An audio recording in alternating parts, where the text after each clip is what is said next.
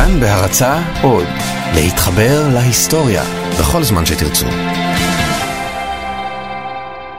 זוכרים את הפרק ההוא בחברים, שפיבי ניסתה להוכיח לג'וי שהיא מסוגלת לעשות מעשה שלא מונע מתוך אנוכיות? Look, there's no unselfish good deeds, sorry. Yes, there are. There are totally good deeds that are selfless. Well, may I ask for one example? Yeah, it's, you know, there's. No, you may not. That's because all people are selfish.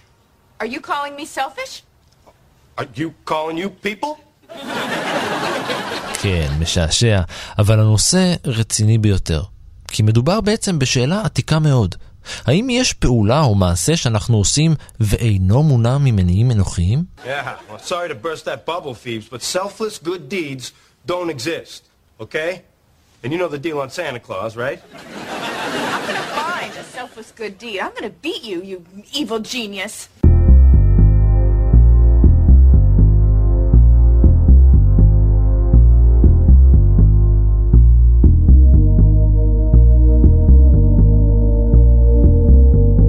אני ערן מנהר ואתם על מנהר הזמן.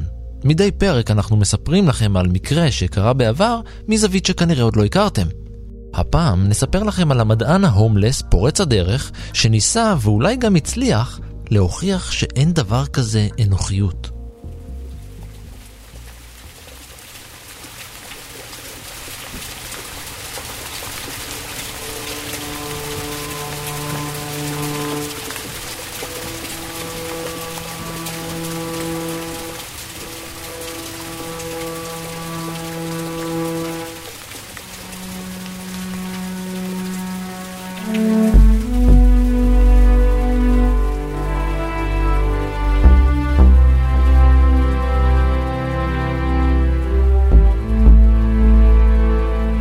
הסתיו של 1922 בניו יורק היה אפור. ואל תוך העולם האפרפר הזה נולד באוקטובר ג'ורג' רוברט פרייס, בן לשחקנית תיאטרון ולחשמלאי. כמו שאר אזרחי ארצות הברית, גם שני הוריו לא צפו את האסון הכלכלי הגדול שיגיע בקרוב, השפל הגדול. למזלו של אביו, כשהיה ג'ורג' הקטן בן ארבע, הוא הלך לעולמו ולא נאלץ להתמודד עם התקופה השחורה ביותר בהיסטוריה המודרנית של ארצות הברית. אמו, לעומת זאת, נותרה להיאבק על הישרדותה שלה ושל בנה. שנים מאוד מאוד קשות, אה, יש לה גם הרבה מאוד חובות אה, משפחתיים, גם בגלל שהיא הייתה קצת כושלת וגם בגלל שבעלה היה טיפה כושל. זהו החוקר והסופר, פרופסור אורן הרמן, ראש התוכנית למדע, טכנולוגיה וחברה באוניברסיטת בר אילן. אבל מה שמאוד חשוב במשפחה זה חינוך, והיא שולחת את הילדים לבתי ספר מצוינים, וגם מזהה בזמן די, די, זאת אומרת, די, די, די מהר היא מזהה שהבן הקטן הוא מיוחד ואחר. המשפחה הזאת אף פעם לא רעבה ללחם. אבל היא פשוט לא יכלה להתמודד עם שני ילדים קטנים בבית. היא שולחת את הבן הגדול לאיזשהו קמפ כזה כדי, אה, כדי שהוא יטופל שם. היה לה מספיק כסף בשביל לעשות את זה. אז, אז האח הקטן, ג'ורג', לא ממש גדל עם, ה, עם אחיו הגדול. ואני חושב שבטח בשביל ילד בגיל הזה, שלא כל כך מודע לכל המשמעויות הפוליטיות, הכלכליות שמתרחשות מסביבו, מה שהיה יותר סליאנטי זה העובדה שהוא באמת לא גדל עם האח שלו. הוא כנראה הבין שזה קשור לדוחק וכן הלאה, אבל זה, אלה מסוג הדברים שאתה יודע, משאירים חותם על ילד. הם לא בדיוק מבינים את כל, ה, אתה יודע, את כל הפוליטיקה היותר רחבה. ואני חושב שמעבר לזה גם כן מדובר בילד שיש לו עולמות פנימיים מאוד מאוד אה, עשירים. כבר מגיל צעיר בבית הספר, פרייס הרגיש שמשהו לא בסדר. שהוא שונה משאר הילדים. הלכה וקיננה בו התחושה שיש עוד ממה שהעולם הראה לו עד עכשיו, ושהוא נועד לגדולה. כל חבריו לכיתה היו חכמים, אבל פרייס היה משהו מיוחד. הוא היה החכם מכולם, בעיקר בכל מה שקשור במספרים ומתמטיקה. זו הסיבה שהוא היה חבר במועדון השחמט של בית הספר. הוא גיק מטורף, מאוד אוהב מתמטיקה, מאוד אוהב כימיה, והוא מתקבל לבית ספר שנקרא The Stuyvesant School, שהוא אחד מבתי הספר הציבוריים המצוינים של ניו יורק. יש כמה כאלה. ניו יורק התברכה בבתי ספר פרטיים פנטסטיים מהטובים בעולם, אבל גם יש כמה מקומות שאם אתה בא ממשפחה בלי יותר מדי כסף, אתה, ויש לך שכל, אתה יכול להיאבק על מקומך שם, והוא באמת נכנס, וכשהוא מסיים את הלימודים שם, אה, הוא מסיים אה, מספר 2 מתוך איזה 700 ילדים או משהו כזה. לאחר היסודי הגיע התיכון, ואז הוא החל להימשך באופן טבעי לתחום המדעים. כיוון שהוא לא מצא שום טיעון לוגי לקיומו של אל כלשהו, הוא הפך לאתאיסט.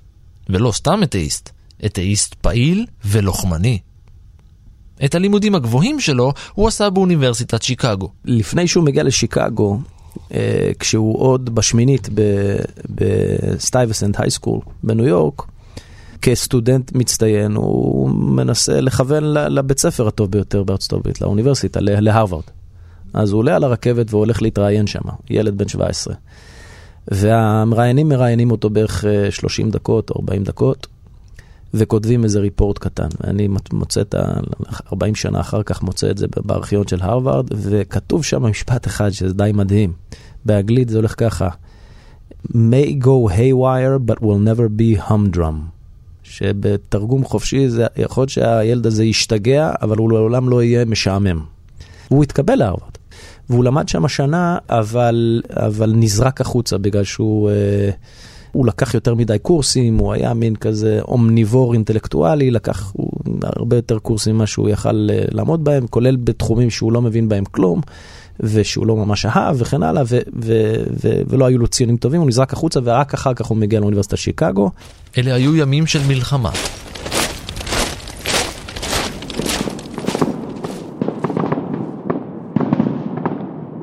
מלחמת העולם השנייה הייתה בשיאה, ופרויקט סודי של הממשל האמריקאי היה בשלבים מתקדמים. פרויקט מנהטן. זה הפרויקט אה, האמריקני לבנייה של פצצת אטום, וג'ורג' פרייס מוצא את עצמו עובד על אה, בעיה אה, מעניינת, וזאת הבעיה של אם תהיה באמת הפצצה אה, או שימוש בפצצת אטום, אז כמובן שיהיו שיירים רדיואקטיביים שימצאו את, את עצמם בתוך גופים של בני אדם. והשאלה היא איך יהיה ניתן לזהות את הרדיאציה הזאת.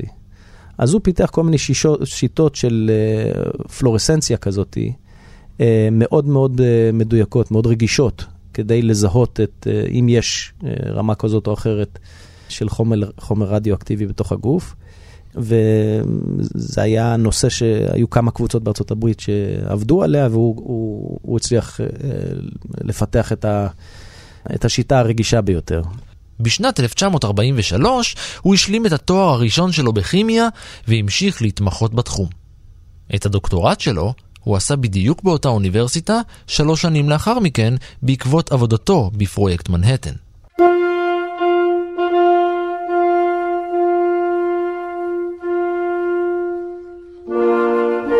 אחרי שנה הוא התחתן.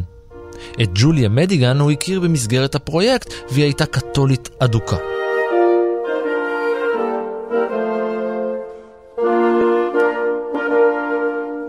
כל החברים שלו אמרו לו, תגיד, אתה משוגע, אתה הרי לא מאמין באלוהים, אתה אתאיסט רדיקלי, אתה, בן, אתה, אתה, אתה שונא את הרעיון של אלוהים, אתה חושב שזה זה, זה, זה שטות גמורה, אז מה אתה מתחתן עם דוסית קתולית? נראה שהאהבה ניצחה את חילוקי הדעות. רק נראה, כי האתאיזם לא עלה בקנה אחד עם האמונה הנוצרית, ואחרי שמונה שנים ושתי ילדות, השניים התגרשו. אחר כך נהייתי חבר של הילדים שלהם, של שתי הבנות. וגם הם לא ממש הבינו את הקשר בין ההורים שלהם. העבודה שלו בפרויקט מנהטן רק עודדה את תחושת הגדולה שגעשה בתוכו וחיפשה מקום להתבטא. הוא הרגיש צורך לעשות דברים גדולים, והחלק שלו בפרויקט הסודי עודד אותו להמשיך ולרדוף אחרי רעיונות גדולים עוד יותר. הוא לימד קצת כימיה באוניברסיטת הרווארד, עבד קצת במעבדות בל על הכימיה של הטרנזיסטורים שפותחו שם, ואפילו שימש כעמית מחקר באוניברסיטת מינסוטה. נראה שהוא לא הצליח למצוא את מקומו בשוק העבודה בתחומו. לפחות לא מקום שהיה לשביעות רצונו וענה לסטנדרט האינטלקטואלי הגבוה שהוא הציב. הוא היה נחוש להכניס את שמו לספר דברי הימים של ההיסטוריה האנושית. אני חושב עליו בתור הפורסט גאמפ האמיתי, real life. זאת אחת הסיבות שאני נמשכתי לכתוב אה, את הביוגרפיה שלו. כי כמו פורסט גאמפ, אה, ג'ורג' פרייס מצא, מצא את עצמו במוקד של כל מיני מהפכות מדעיות וטכנולוגיות של המאה ה-20, פותר איזושהי בעיה, ועוזב לפני שמישהו באמת מצליח להבין מי זה הבן אדם הזה, עוזב לתחום אחר לגמרי. גם בזכות העובדה, ש... או בגלל שהנישואים שלו מתחילים להתפרק, ויש כבר שתי בנות קטנות, מעביר את כל המשפחה למינסוטה במחשבה שאולי זאת תהיה דרך להציל את המשפחה. אה, מינסוטה באותם ימים היא אה, משכנת את הבית חולים המוביל בארצות הברית לחקר הסרטן. אז uh, הוא עבד על פרויקט מנהטן, אחר כך עבד במעבדות בל, עכשיו הוא הולך לעבוד על אונקולוגיה, על הבעיה של להשתמש במשהו שנקרא פורפירינים כדי לזהות גוש, גושים סרטניים בתוך הגוף. Uh, וגם שם הוא uh, ממש uh, עושה עבודה פנטסטית, באמת מאוד מאוד מאוד חשובה. אבל מחליט לזנוח לחלוטין את העבודה הזאת ועובר לווילג' בניו יורק. בין שאר החיפושים שלו, הוא אפילו שלח לסנאט האמריקאי תוכנית מפורטת כיצד להשיג שלום עולמי. למרות, ואולי בגלל שהרעיונות שלו נראו לו מאוד הגיוניים ופשוטים, הוא באמת לא הבין למה אף אחד לא מתייחס אליו ברצינות.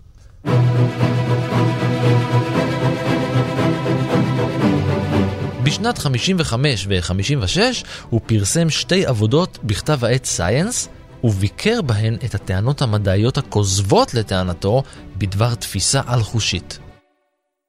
שני המאמרים האלה פתחו לו פתח לתחום חדש מבחינתו, עיתונות מדעית. כיוון שהיה תחום חדש, וכיאה למדען חוקר, פרייס המשיך וחקר. הוא ניסה לכתוב ספר על המלחמה הקרה שניהלה באותן השנים ארצות הברית מול ברית המועצות וסין הקומוניסטית, אבל הוא מעולם לא סיים אותו. העולם משתנה יותר מדי מהר, הוא הסביר. והספר מעולם לא פורסם. יש לו חלומות גדלות אה, פנטסטיים לגמרי. אף אחד לא יודע מי זה הבן אדם הזה, למעשה. הוא איזה ווירדו. הוא סופר חכם, אבל אתה יודע, יש הרבה ווירדואים חכמים. אז כמו שאני אומר, הוא פותר בעיות, אבל הוא, הוא עף משם לפני שמישהו בכלל מבין מי זה הבן אדם. אז לא ממש מכירים אותו, אין תחום שהוא מוכר בו. ובאיזשהו שלב הוא מתכתב עם ארבעה חתני פרס נובל או חתני פרס נובל לעתיד, בתחומים שונים לגמרי. עם אקלס בנוירו-פיזיולוגיה, עם H.J. מלר המפורסם בגנטיקה, עם שוקלי, אבי תורת האינפורמציה, ועם סמיולסון, שעומד להיות הזוכה הראשון לפרס נובל בכלכלה. ולכל אחד מהם הוא שולח את הפתרון לשאלה הכי קשה בתחום שלו. והוא אומר, הנה, פתרתי את הבעיה. עכשיו, כולם כותבים לו בחזרה, תשמע, זה מאוד מעניין, אנחנו לא מבינים את הנוטציה שלך, כי אתה, זה ברור שאתה לא מהתחום. אולי תחזור לאוניברסיטה ו- ותלמד עוד קצת, ושיהיה לך בהצלחה. וזה מוציא אותו מכליו. האינטלקט שלו היה כמו יהלום לא מלוטש. כולם ידעו שהוא חכם או גאון, אבל היה בו משהו מחוספס מדי, לא נקי עד הסוף. אתה יודע, הוא למד כימיה, ועכשיו הנה הוא כותב לאנשים בגנטיקה, בכלכלה, בתורת האינפורמציה, בנוירופיזיולוגיה, הוא רצה לפתור בעיה של, של איך בדיוק העין רואה. הוא, אלה לא היו תחומים שהוא למד אותם, הוא פשוט, מה שבער בו זה רצון לעשות דבר גדול, דבר מדעי גדול. הוא ידע שהכוח שלו הוא, במדע, והוא רצה לפתור חידה אחת גדולה, ושהשם שלו, ש, ש, שיהיה שווה להיות פה, להתהלך פה על כדור הארץ בסופו של דבר. פרייס המשיך והתגלגל מעבודה לעבודה. אנחנו עכשיו בתחילת שנות ה-60, הוא עושה המון סמים, ובכמה לילות של, אה, בעננה של, אה, של סם, הוא כותב את הקוד למשהו שלימים ייקרא אה, CAD, Computer Aided Design, זה היכולת של מחשב לעשות מניפולציה תלת-מימדית לאובייקט על המסך. שזה רעיון שמשנה לגמרי את, את העולם של המחשבים. אה, אבל הוא ביזנסמן מאוד מאוד גרוע, אז הוא לא מוציא את הפטנט בזמן, אה, ובמקום זה מצטרף ל-IBM כעובד יחסית זוטר, שכותב מין עלונים טכניים כאלה. בשנת 1961 הוא נחת בחברה הבינלאומית למכונות עסקים, הידועה יותר כ-IBM. הוא היה אחראי לעיבוד מידע חזותי, והוא טען בשלב מסוים כי הוא הגה רעיון לעצב ולתכנן בעזרת מחשב.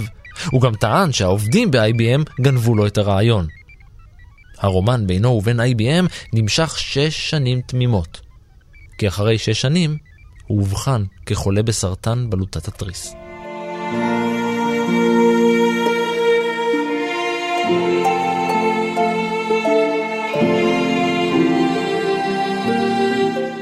המחלה הזו והטיפול בה היו נקודת מפנה משמעותית בחייו. הוא מאובחן כחולה סרטן בבלוטת התריס, ויש לו חבר ותיק, אה, מנתח, משיקגו בשם פרגוסון, שהוא מחליט uh, לטוס אליו ושפרגוסון יטפל בו. כחלק מהטיפול במחלה, הוא נאלץ לעבור ניתוח להסרת הגידול עם כל בלוטת התריס. ניתוח שבסופו נותר משותק חלקית באחת מכתפיו.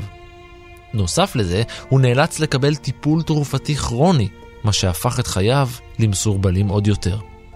הוא הפך ממורמר ואפור, ומדי פעם הוא הפסיק לקחת את התרופה שלו אז היה שוקע בתהומות של דיכאון. הוא חושב שפרגוסון זה, זה השטן, ואז הוא, הוא כל כך מדוכא שהוא בעצם רוצה, רוצה למות. ואז הוא, הוא אומר לעצמו, הוא נתקל בבעיה של אלטרואיזם כבעיה מדעית. אמ, הוא מאוד מתעניין באותם ימים בהתהוות של המשפחה. באבולוציה. איך קרה שמשפחות נולדו בטבע? את הכסף שקיבל מביטוח הבריאות הוא השקיע באפיק מפתיע. בנובמבר 67, לאחר שהיה לא מרוצה בכלל מהמסלול של חייו כמדען בארצות הברית, הוא לא זכה להכרה שחיפש, הוא לא הצליח להתבלט באף תחום, הוא עזב את אמריקה ועבר ללונדון.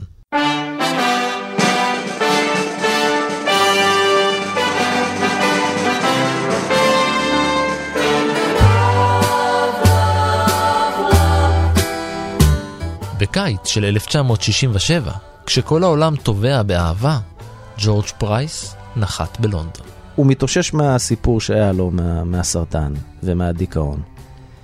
ואיכשהו הוא מתחיל לחשוב שהוא רוצה לפתור את החידה של מאיפה באה המשפחה. והוא מחליט שהוא רוצה למצוא מקום לעבוד על הבעיה, והוא חוכך בדעתו לנסוע לכל מיני מקומות מרוחקים, ובסוף הוא מגיע למסקנה שהוא לא טוב בשפות, ושאם הוא רוצה לעזוב את ארצות הברית, המקום הכי...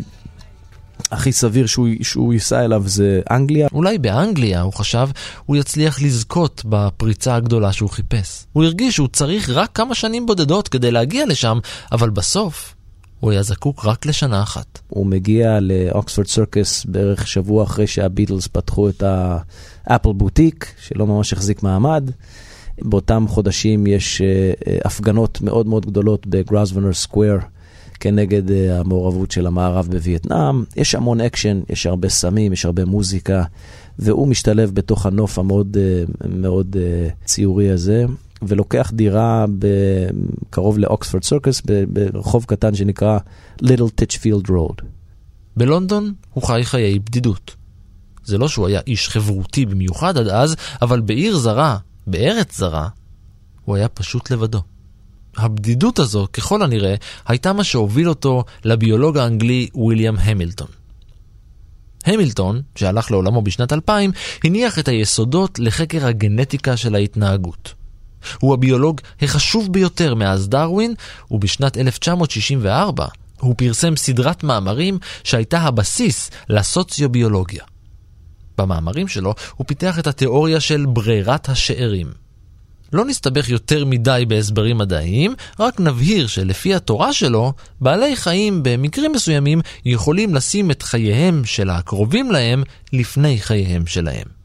במילים אחרות, יצורים חיים יכולים להתנהג בצורה אלטרואיסטית. אלטרואיזם זה בעצם פונקציה של קרבה גנטית. ככל שאתה, ככל ששני פרטים בטבע יהיו יותר קרובים אחד לשני מבחינה גנטית, ככה אתה תצפה לראות יותר אלטרואיזם ביניהם. דרווין, כשהוא כתב את על מוצא המינים, הבין שיש בעיה בתיאוריה. בגלל שאיפה שהוא לא הסתכל בטבע, הוא ראה המון התנהגות של מה, שאני, מה שאנחנו במילים אנושיות נקרא הקרבה. שזה נראה כאילו שהכשירות של המקריב נפגמת, נפגעת. והוא כאילו נותן איזו הטבה בכשירות לאחר בזמן שהוא משלם איזה, איזשהו מחיר בכשירות שלו. עכשיו, אם האבולוציה זה משחק של הישרדות הכשירים, איך אתה מסביר את ההישארות של תכונה שמורידה את הכשירות שלך? הרי היית מצפה שהברירה הטבעית תעיף את, ה, את התכונה הזאת החוצה, שלא, שההתנהגות הזאת לא תשרוד. אבל איפה שאתה לא מסתכל, בכל טקסה, בציפורים, בחיידקים, באמבות, בצמחים, בהרבה מאוד יונקים כמובן, ובטח שבקופיים, יש המון אלטרואיזם, התנהגות מקריבה. וה, ובאמת ההגדרה של, של אלטרואיסט ביולוגי זה יצור שנותן הטבה בכשירות ליצור אחר, בזמן שהוא משלם איזשהו מחיר בכשירות שלו. בקיצור, כמו ג'וי מחברים, גם המילטון קבע כי בעולם הטבע, כל פעולה שנראית כמועילה למישהו אחר, נובעת ממקור אנוכי שמועיל ותורם להישרדות.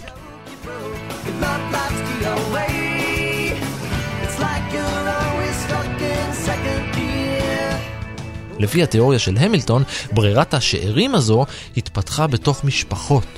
אנחנו עושים פעולות שמקדמות את הגנים שלנו, גם אם הגנים האלה אצל מישהו אחר קרוב לנו מאוד, כמו אח או בן. אבל בן דוד, אחיין או רחוק מזה, הצורך לסייע לו נמוך יותר. היה מדען גדול לפני המילטון באנגליה, שקראו לו JBS הולדיין, ומסופר עליו שיום אחד בפאב הוא אהב מאוד לשתות. אחרי הבירה 15 מישהו צועק לו מסוף הפאב, תגיד JBS, היית קופץ לתוך נהר להציל את אח שלך? והוא כזה דפק על השולחן ואמר, לא, אבל הייתי קופץ בשביל להציל שני אחים ושמונה בני דודים. אז זה הקלקולוס של מה שלימים ייקרא בשנות ה-70 על ידי דוקינס, הגן האנוכי. בעצם אנחנו בסך הכל הסירה, הגוף שלנו זה הסירה שהגנים יושבים בה, והם אלה עם המשוטים. המילטון הסביר את זה באלגנטיות מתמטית. והמתמטיקה הזו הסבירה באופן מרהיב ופוקח עיניים את הסיבה למה דבורה עוקצת ומקריבה את חייה. היא עושה את זה למען הכוורת כולה.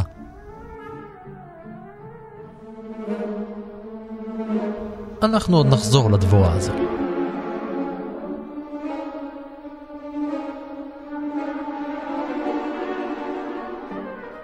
פרייס קרא את עבודותיו של המילטון, אז עוד מדען אלמוני, וכיוון שהיה עסוק בעצמו בשאלות בנוגע למשפחה, למקומו שלו ולתפקידו של האב במערכת הזו, וגם בגלל שהוא היה די נודניק, כפי שהוא עשה בעבר, הוא פנה אל המדען שכתב את העבודות, אל המילטון עצמו.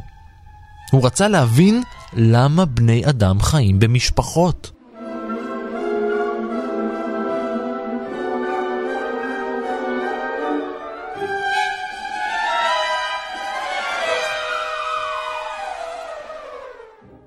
היופי בתיאוריה של המילטון היא בפשטות שלה. היא מאוד פשוטה, זאת אומרת, היא בסופו של דבר, אחרי איזה כמה עמודים של אלגברה, היא מסתכמת במשוואה מאוד קצרה, שאני יכול להגיד אותה פה, RB גדול מ-C.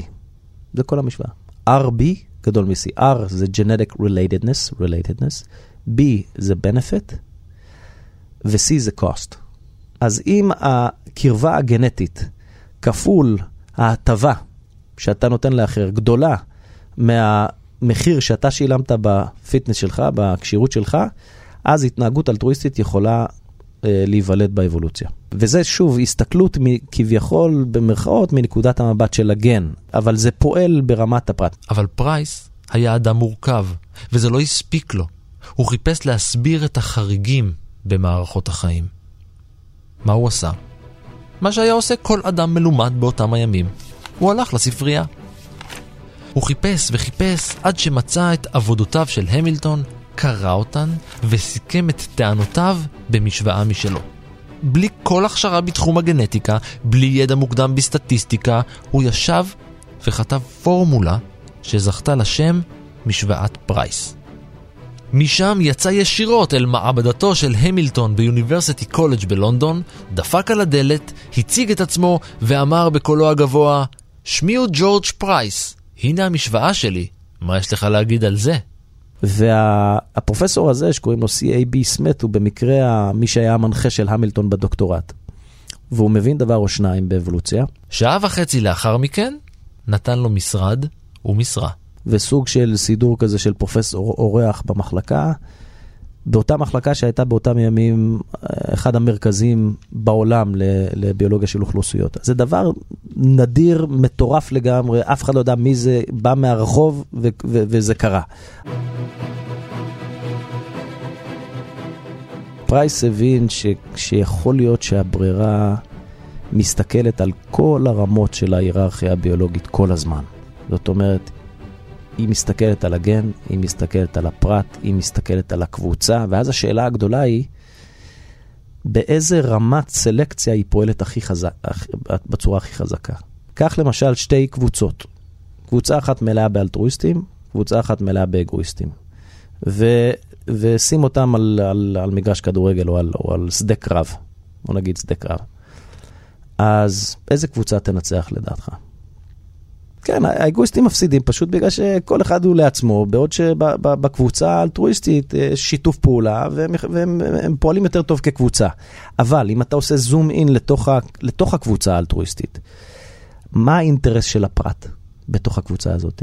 אם כולם מסתערים קדימה, ואתה לוקח צעד אחד אחורה, אז אתה תחיה בשביל הקרב הבא, למחרת וביום שאחרי מחרת.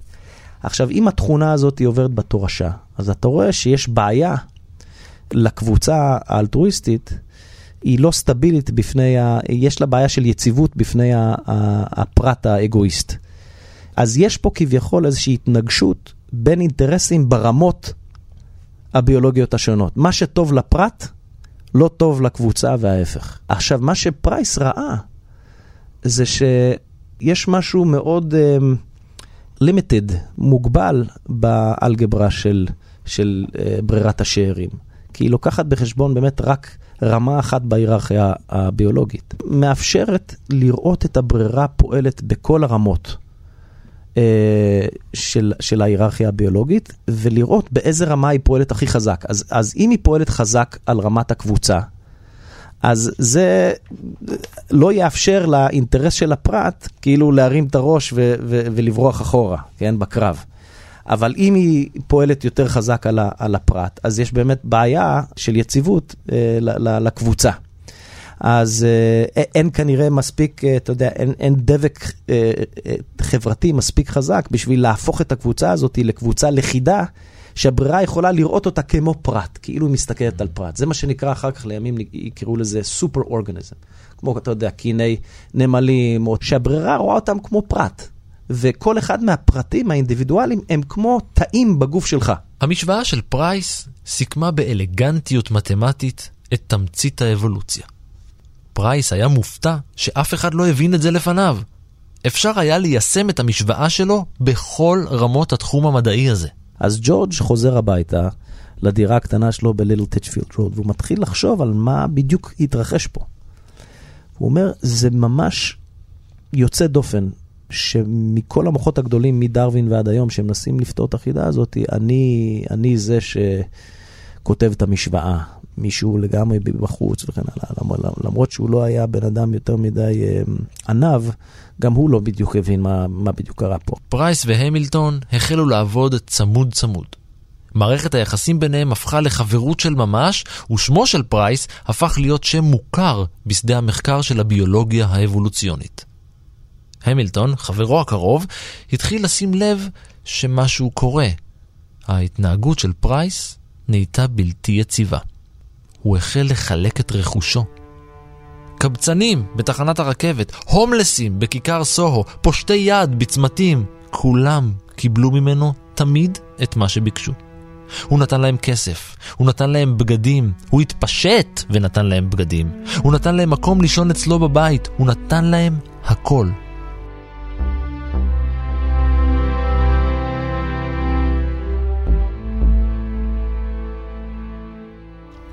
ב-6 ביוני 1970 הוא חווה חוויה רוחנית ששינתה את חייו מן הקצה אל הקצה. הוא פגש את אלוהים.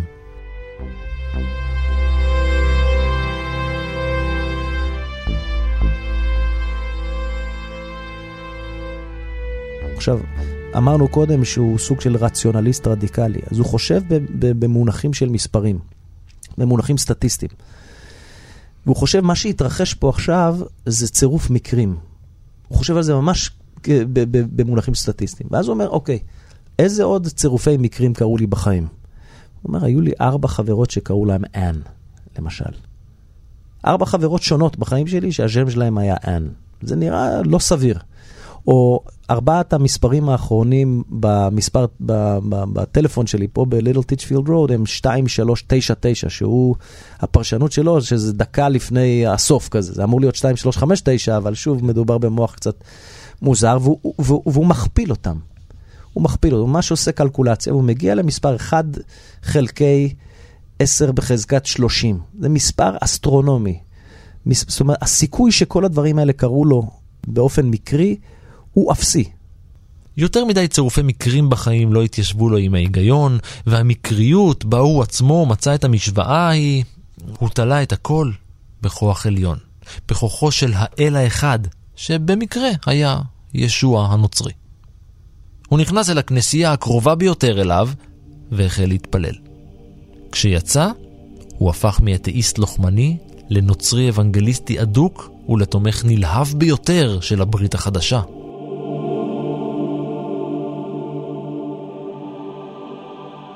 הוא, שוב, הוא גם מתייחס בשלב הזה לברית החדשה אחרי שהוא הופך להיות נוצרי, כמו שנגיד אה, בן אדם שעובד על קודים אה, מתייחס למספרים. אז הוא מנסה למצוא כל מיני טקסטים חבויים בתוך הברית החדשה, והוא גם כותב להמילטון כל מיני מכתבים, מנסה לגייס אותו, כי הוא אומר, המוח שלך והמוח שלי מאוד דומים, בוא תעזור לי למצוא כל מיני דברים שאף אחד באלפיים שנים של נצרות לא הצליח למצוא בתוך הטקסט הקדוש. הוא השתמש בכוחו הלוגי כדי לכתוב מאמר ארוך במיוחד, בו הוכיח את טענתו כי את חג הפסחא צריך לחגוג 12 יום ולא שמונה. אבל הדבר המשמעותי ביותר שקרה לו התרחש ב-1972.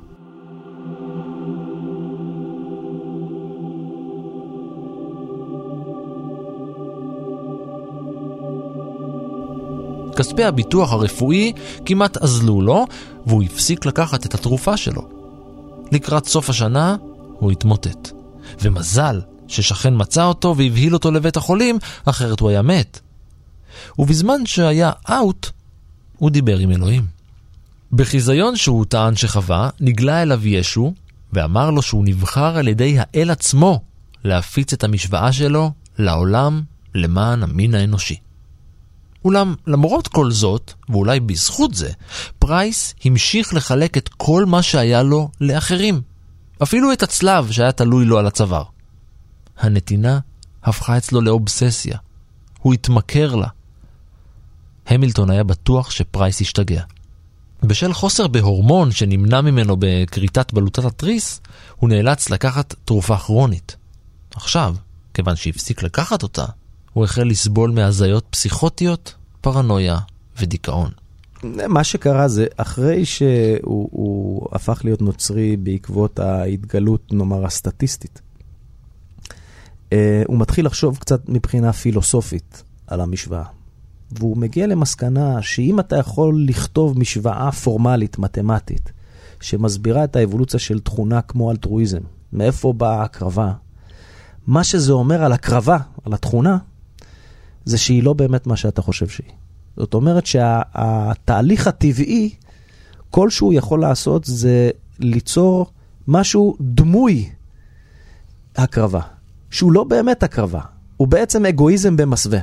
עכשיו, זאת הכרה סופר קשה למישהו שבדיוק זה עתה הפך להיות נוצרי, שכל הנוצרות מבוססת על אהבה וכן הלאה, והוא לא מוכן לקבל את זה. ומה שברור זה שפרייס אה, באופן אלקטיבי, זאת אומרת, הוא בוחר לא לקחת את התרופות שלו, מפני שהוא חושב שאם למרות העובדה שהוא לא לוקח את התרופה, הוא מצליח להמשיך במפעל האלטרואיסטי שלו, זה סימן מאלוהים שהוא בדרך הנכונה. אז הוא כל הזמן מחפש סימנים, כמו שהוא חיפש סימנים כאלה, קוד בתוך הטקסט הקדוש בברית החדשה, ככה הוא מחפש גם סימנים בחיים שלו. הוא, הוא, הוא נמצא באיזשהו שיח עם אלוהים. ככל הידוע, כשאדם מנסה להבין את הזיותיו, הוא משתמש בדברים משמעותיים שהוא כבר יודע ומכיר. אצל פרייס זה היה אלטרואיזם ודת. ועל כן, המסקנה ההגיונית היחידה שלו הייתה שהוא צריך להפוך לאלטרואיסט עוד יותר הדוק. בסוף שנת 74 הוא ויתר על כל רכושו, על הכל. הוא התיר לאלכוהוליסטים לגנוב את חפציו וחילק את כל השאר. הכל, כולל את הנעליים שלו. הוא הפך להיות האיש שלו הוא עזר. הוא הפך לחסר מגורים. איך? הוא הכניס הומלסים לגור אצלו בבית. ועוד הומלסים. ועוד. וכשלא יכול היה לחיות שם יותר, עבר לישון במשרד. הוא נאלץ לצאת מביתו הסחור בשל פרויקט נדל"ן חדש שקם במקומו, הוא התאכסן במבנים נטושים, והוא היה עוד יותר מדוכא, כיוון שעכשיו לא היה לו איך לעזור לחסרי הבית. באיזשהו שלב הוא כותב לעוד מדען בריטי גדול, חוץ מהמילטון, הוא עובד עם עוד, עוד אבולוציונר גדול שקוראים לו ג'ון מיינארד סמית. איתו הוא עובד על האפליקציה הראשונה של תורת המשחקים לאבולוציה של התנהגות בטבע. שזה הופך להיות תחום מאוד מאוד חשוב באבולוציה, והם עובדים על paper ביחד, והוא כותב לו, אני נות... נותרו לי 15 pence, 15 אגורות, ואני לא יכול לחכות עד שאני נותן אותם, כי זה הוכחה. זאת הייתה ההוכחה בשבילו, שבאמת אלוהים שלח אותו, והוא מוכיח, הוא מוכיח בהתנהגות שלו, שיש דבר כזה אלטרואיזם. כבר לא היה לו יותר מה לתת. וזה היה השלב בו ההיגיון הפנימי שלו גבר על הדיכאון, והוא החליט לעשות מעשה. אם הוא רוצה להמשיך ולתרום לאחרים, הוא חייב לשקם את חייו ובריאותו. הרי הוא לא יכול לשרת את המין האנושי אם הוא לא יהיה תקין. בשלב הזה הוא מתכתב עם אותו סמואלסון, הכלכלן ב-MIT, ושולח לו כל מיני רעיונות שהוא מקווה לפתח איתו וכן הלאה, וזה נראה כאילו שהוא... אה, הוא משתקם, זה נראה כאילו שהוא משתקם, ובדצמבר של 74 הוא עולה אה, לבית של המילטון אה, ומבלה איתו את ה Christmas, והמילטון לוקח אותו אה, בסוף החג חזרה לתחנת רכבת, והוא כזה, הוא, הוא, הוא מאוד מודאג, הוא מאוד אוהב אותו. מאוד אוהב אותו, ו- ו- וג'ורג' פייס הוא היה בן אדם שהיה קשה לאהוב אותו, אבל היה בו, הייתה בו איזושהי אמת, הוא כנראה היה איפשהו על הספקטרום האוטיסטי. אנשים מאוד פחדו אה, בשבילו, אבל הייתה איזושהי אופטימיות מסוימת. לכן הוא מצא עבודה בניקיון, בסניף בנק. הוא נאבק בכל רגע מחייו. הוא קבע תור לפסיכיאטר, אבל כמה ימים קודם, ב-6 בינואר 1975, הוא התאבד. הוא היה בן 52 בלבד.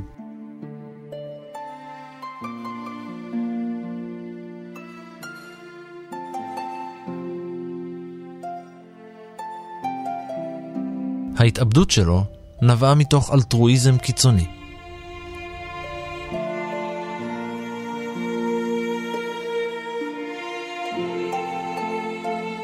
דיברתי עם כל מי שהכיר אותו, וקראתי כמובן את כל המכתבים שלו אה, ואת היומנים שלו. וזה היה בליל של כל מיני דברים, זאת אומרת, הוא גם היה מאוהב בבחורה צעירה אמריקנית שהוא פגש, קראו לה ג'וליה. היא הייתה אה, אמנית צעירה, והיא הייתה בערך 23, הוא היה בן 52. הוא היה יושב איתה שעות בפארקים ומספר לה סיפורים על פרויקט מנהטן ועל עבודה במעבדות בל ועל פתרונות למחלת הסרטן וכל מיני דברים. ש... עכשיו, היא לא ידעה אם הוא מספר סיפורים או איזה מטורף אחד, אבל זה היה מאוד entertaining. אז היא ישבה איתו, עכשיו הוא התאהב בה. הוא התאהב בה. ואחד הדברים שהוא השאיר אחריו זה מין פתק, אה, פתק התאבדות שהיה מיועד לה. כי היא לא הייתה מעוניינת בו באמת מבחינה רומנטית. את גופתו גילה מהגר מישראל, שנכנס לדירה נטושה בצפון לונדון, ומצא את פרייס שרוע על הרצפה, כשעורק הצוואר שלו משוסף על ידי מספרי ציפורניים. מה שמדהים הוא שאני גיליתי ש... הוא גר אה, בחודשים האחרונים עם שני אה, חבר'ה ישראלים. בחור אחד אה, שגר היום בכליל ועוד בחור שגר בירושלים, שהיו אז צעירים אחרי צבא, שגרו בתוך הבית הנטוש הזה עם האיש הזה, שידעו שקוראים לו ג'ורג', אבל הוא כבר, הוא כבר היה עור ועצמות, כי לא היה לו כסף, הוא גר ברחובות.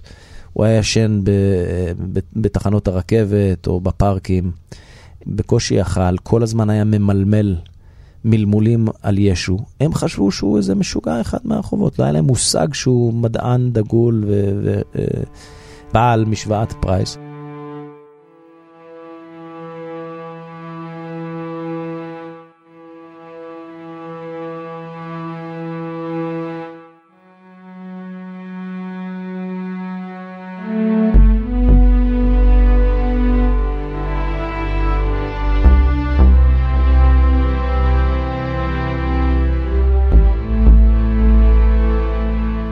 ג'ורג' פרייס נקבר בקבר לא מסומן בבית קברות לא רחוק ממרכז לונדון.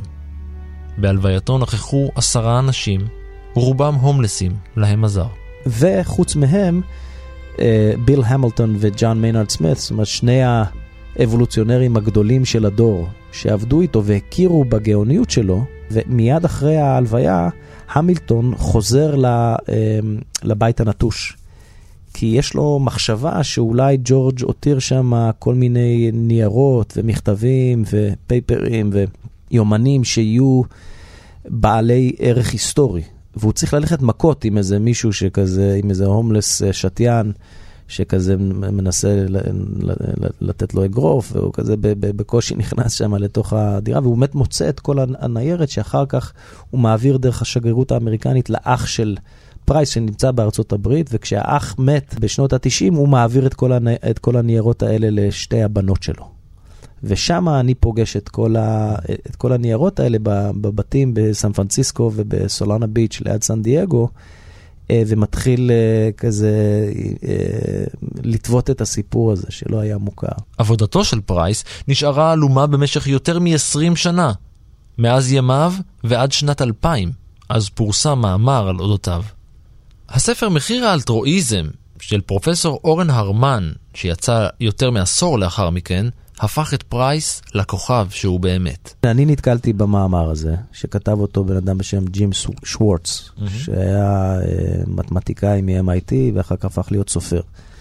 Uh, והתקשרתי לג'ים שוורץ הזה ואמרתי לו, תגיד, זה סיפור מדהים, אבל זה מאמר נורא קצר, ו... יש ניירות, אני כמו היסטוריון טוב, שיש ניירות, יש עם מה לעבוד, אז היה שקט כזה. אני התקשרתי עם ישראל והוא גר בבוסטון. ואחרי 30 שניות, שזה המון זמן בשיחה טרנס-אטלנטית, הוא אומר לי, תשמע, אני מאוד התקרבתי לג'ורג'. עכשיו, אני ידעתי שג'ורג' מת לפני 45 שנה, אז uh, היה ברור לי שיש פה משהו, סיפור אנושי מאוד חזק. והוא לא, הוא, הוא קצת, uh, הוא לא, הוא לא כך רצה ב, ב, ב, להעביר לי את הסיפור. אבל הוא איש מאוד טוב, ואחרי כמה ימים דיברנו שוב, הוא אמר, תשמע, אני, אני, אני לא חושב שיש ניירות, אבל אני אשמח לתת לך את המספר של הבנות.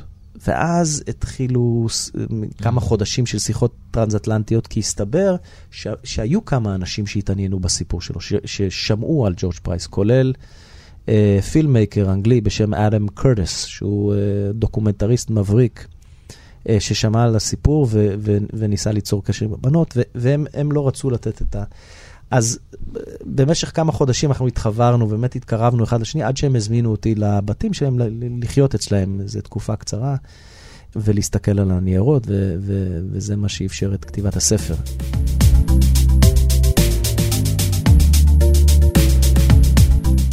מה שמדהים זה שבאחד, אני ישנתי בבית של הבת שלו אה, אה, בסולנה ביץ', והיינו כל בוקר יוצאים להליכות כאלה.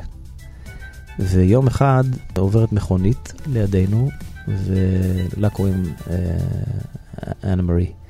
אנה מרי אומרת, או, oh, that's strange, יש לה קול כזה קצת מוזר. That's strange, זה מוזר. 2, 3, 5, 4, 6, 7, 8. זה לוחית הרישוי. אם אתה לוקח את המספר הזה ומחלק ב-25, זה המספר של הבית שלי. ואז הבנתי, נפל לי איזה אסימון שהיה משהו כזה, אתה יודע, משהו משפחתי, איזושהי, איזושהי יכולת אה, עם מספרים מצד אחד, ומצד שני איזשהו קושי חברתי. אנשים מקסימים, מצחיקים, כן. מצחיקים נורא, אבל מוזרים, שונים.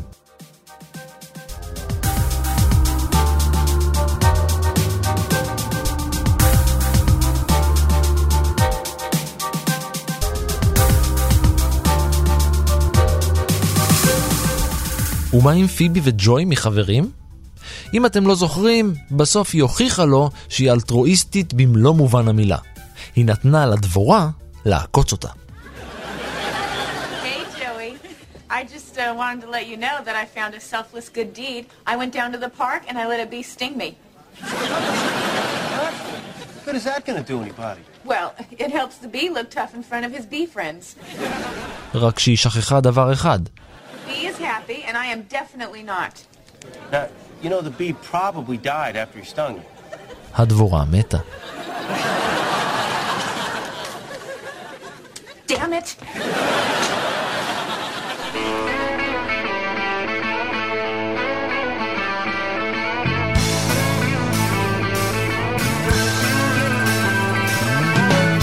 No one told you life was gonna be this way. ועד כאן מנהר הזמן להפעם. היכנסו לאתר שלנו כאן.org.il, שם תוכלו ליהנות לא רק מעוד פרקים של מנהר הזמן ומסיפורים נוספים מההיסטוריה, אלא גם מעוד שלל פודקאסטים פשוט מצוינים. אתם יכולים להאזין להם גם שם וגם באפליקציית הפודקאסטים המועדפת עליכם. תודה לאורן ארמן, תודה גם לאור מנהר שהיה על ההפקה ונתן מעצמו, ולניר גורלי שהיה על העריכה ופיתח משוואה משלו. אתם מוזמנים להצטרף ולעקוב אחריי ברשתות החברתיות, בפייסבוק ובטוויטר. תגיבו, תציעו רעיונות, ובעיקר תתחברו. אני ערן מנהר, נשוב וניפגש בפרק הבא. But didn't tell you when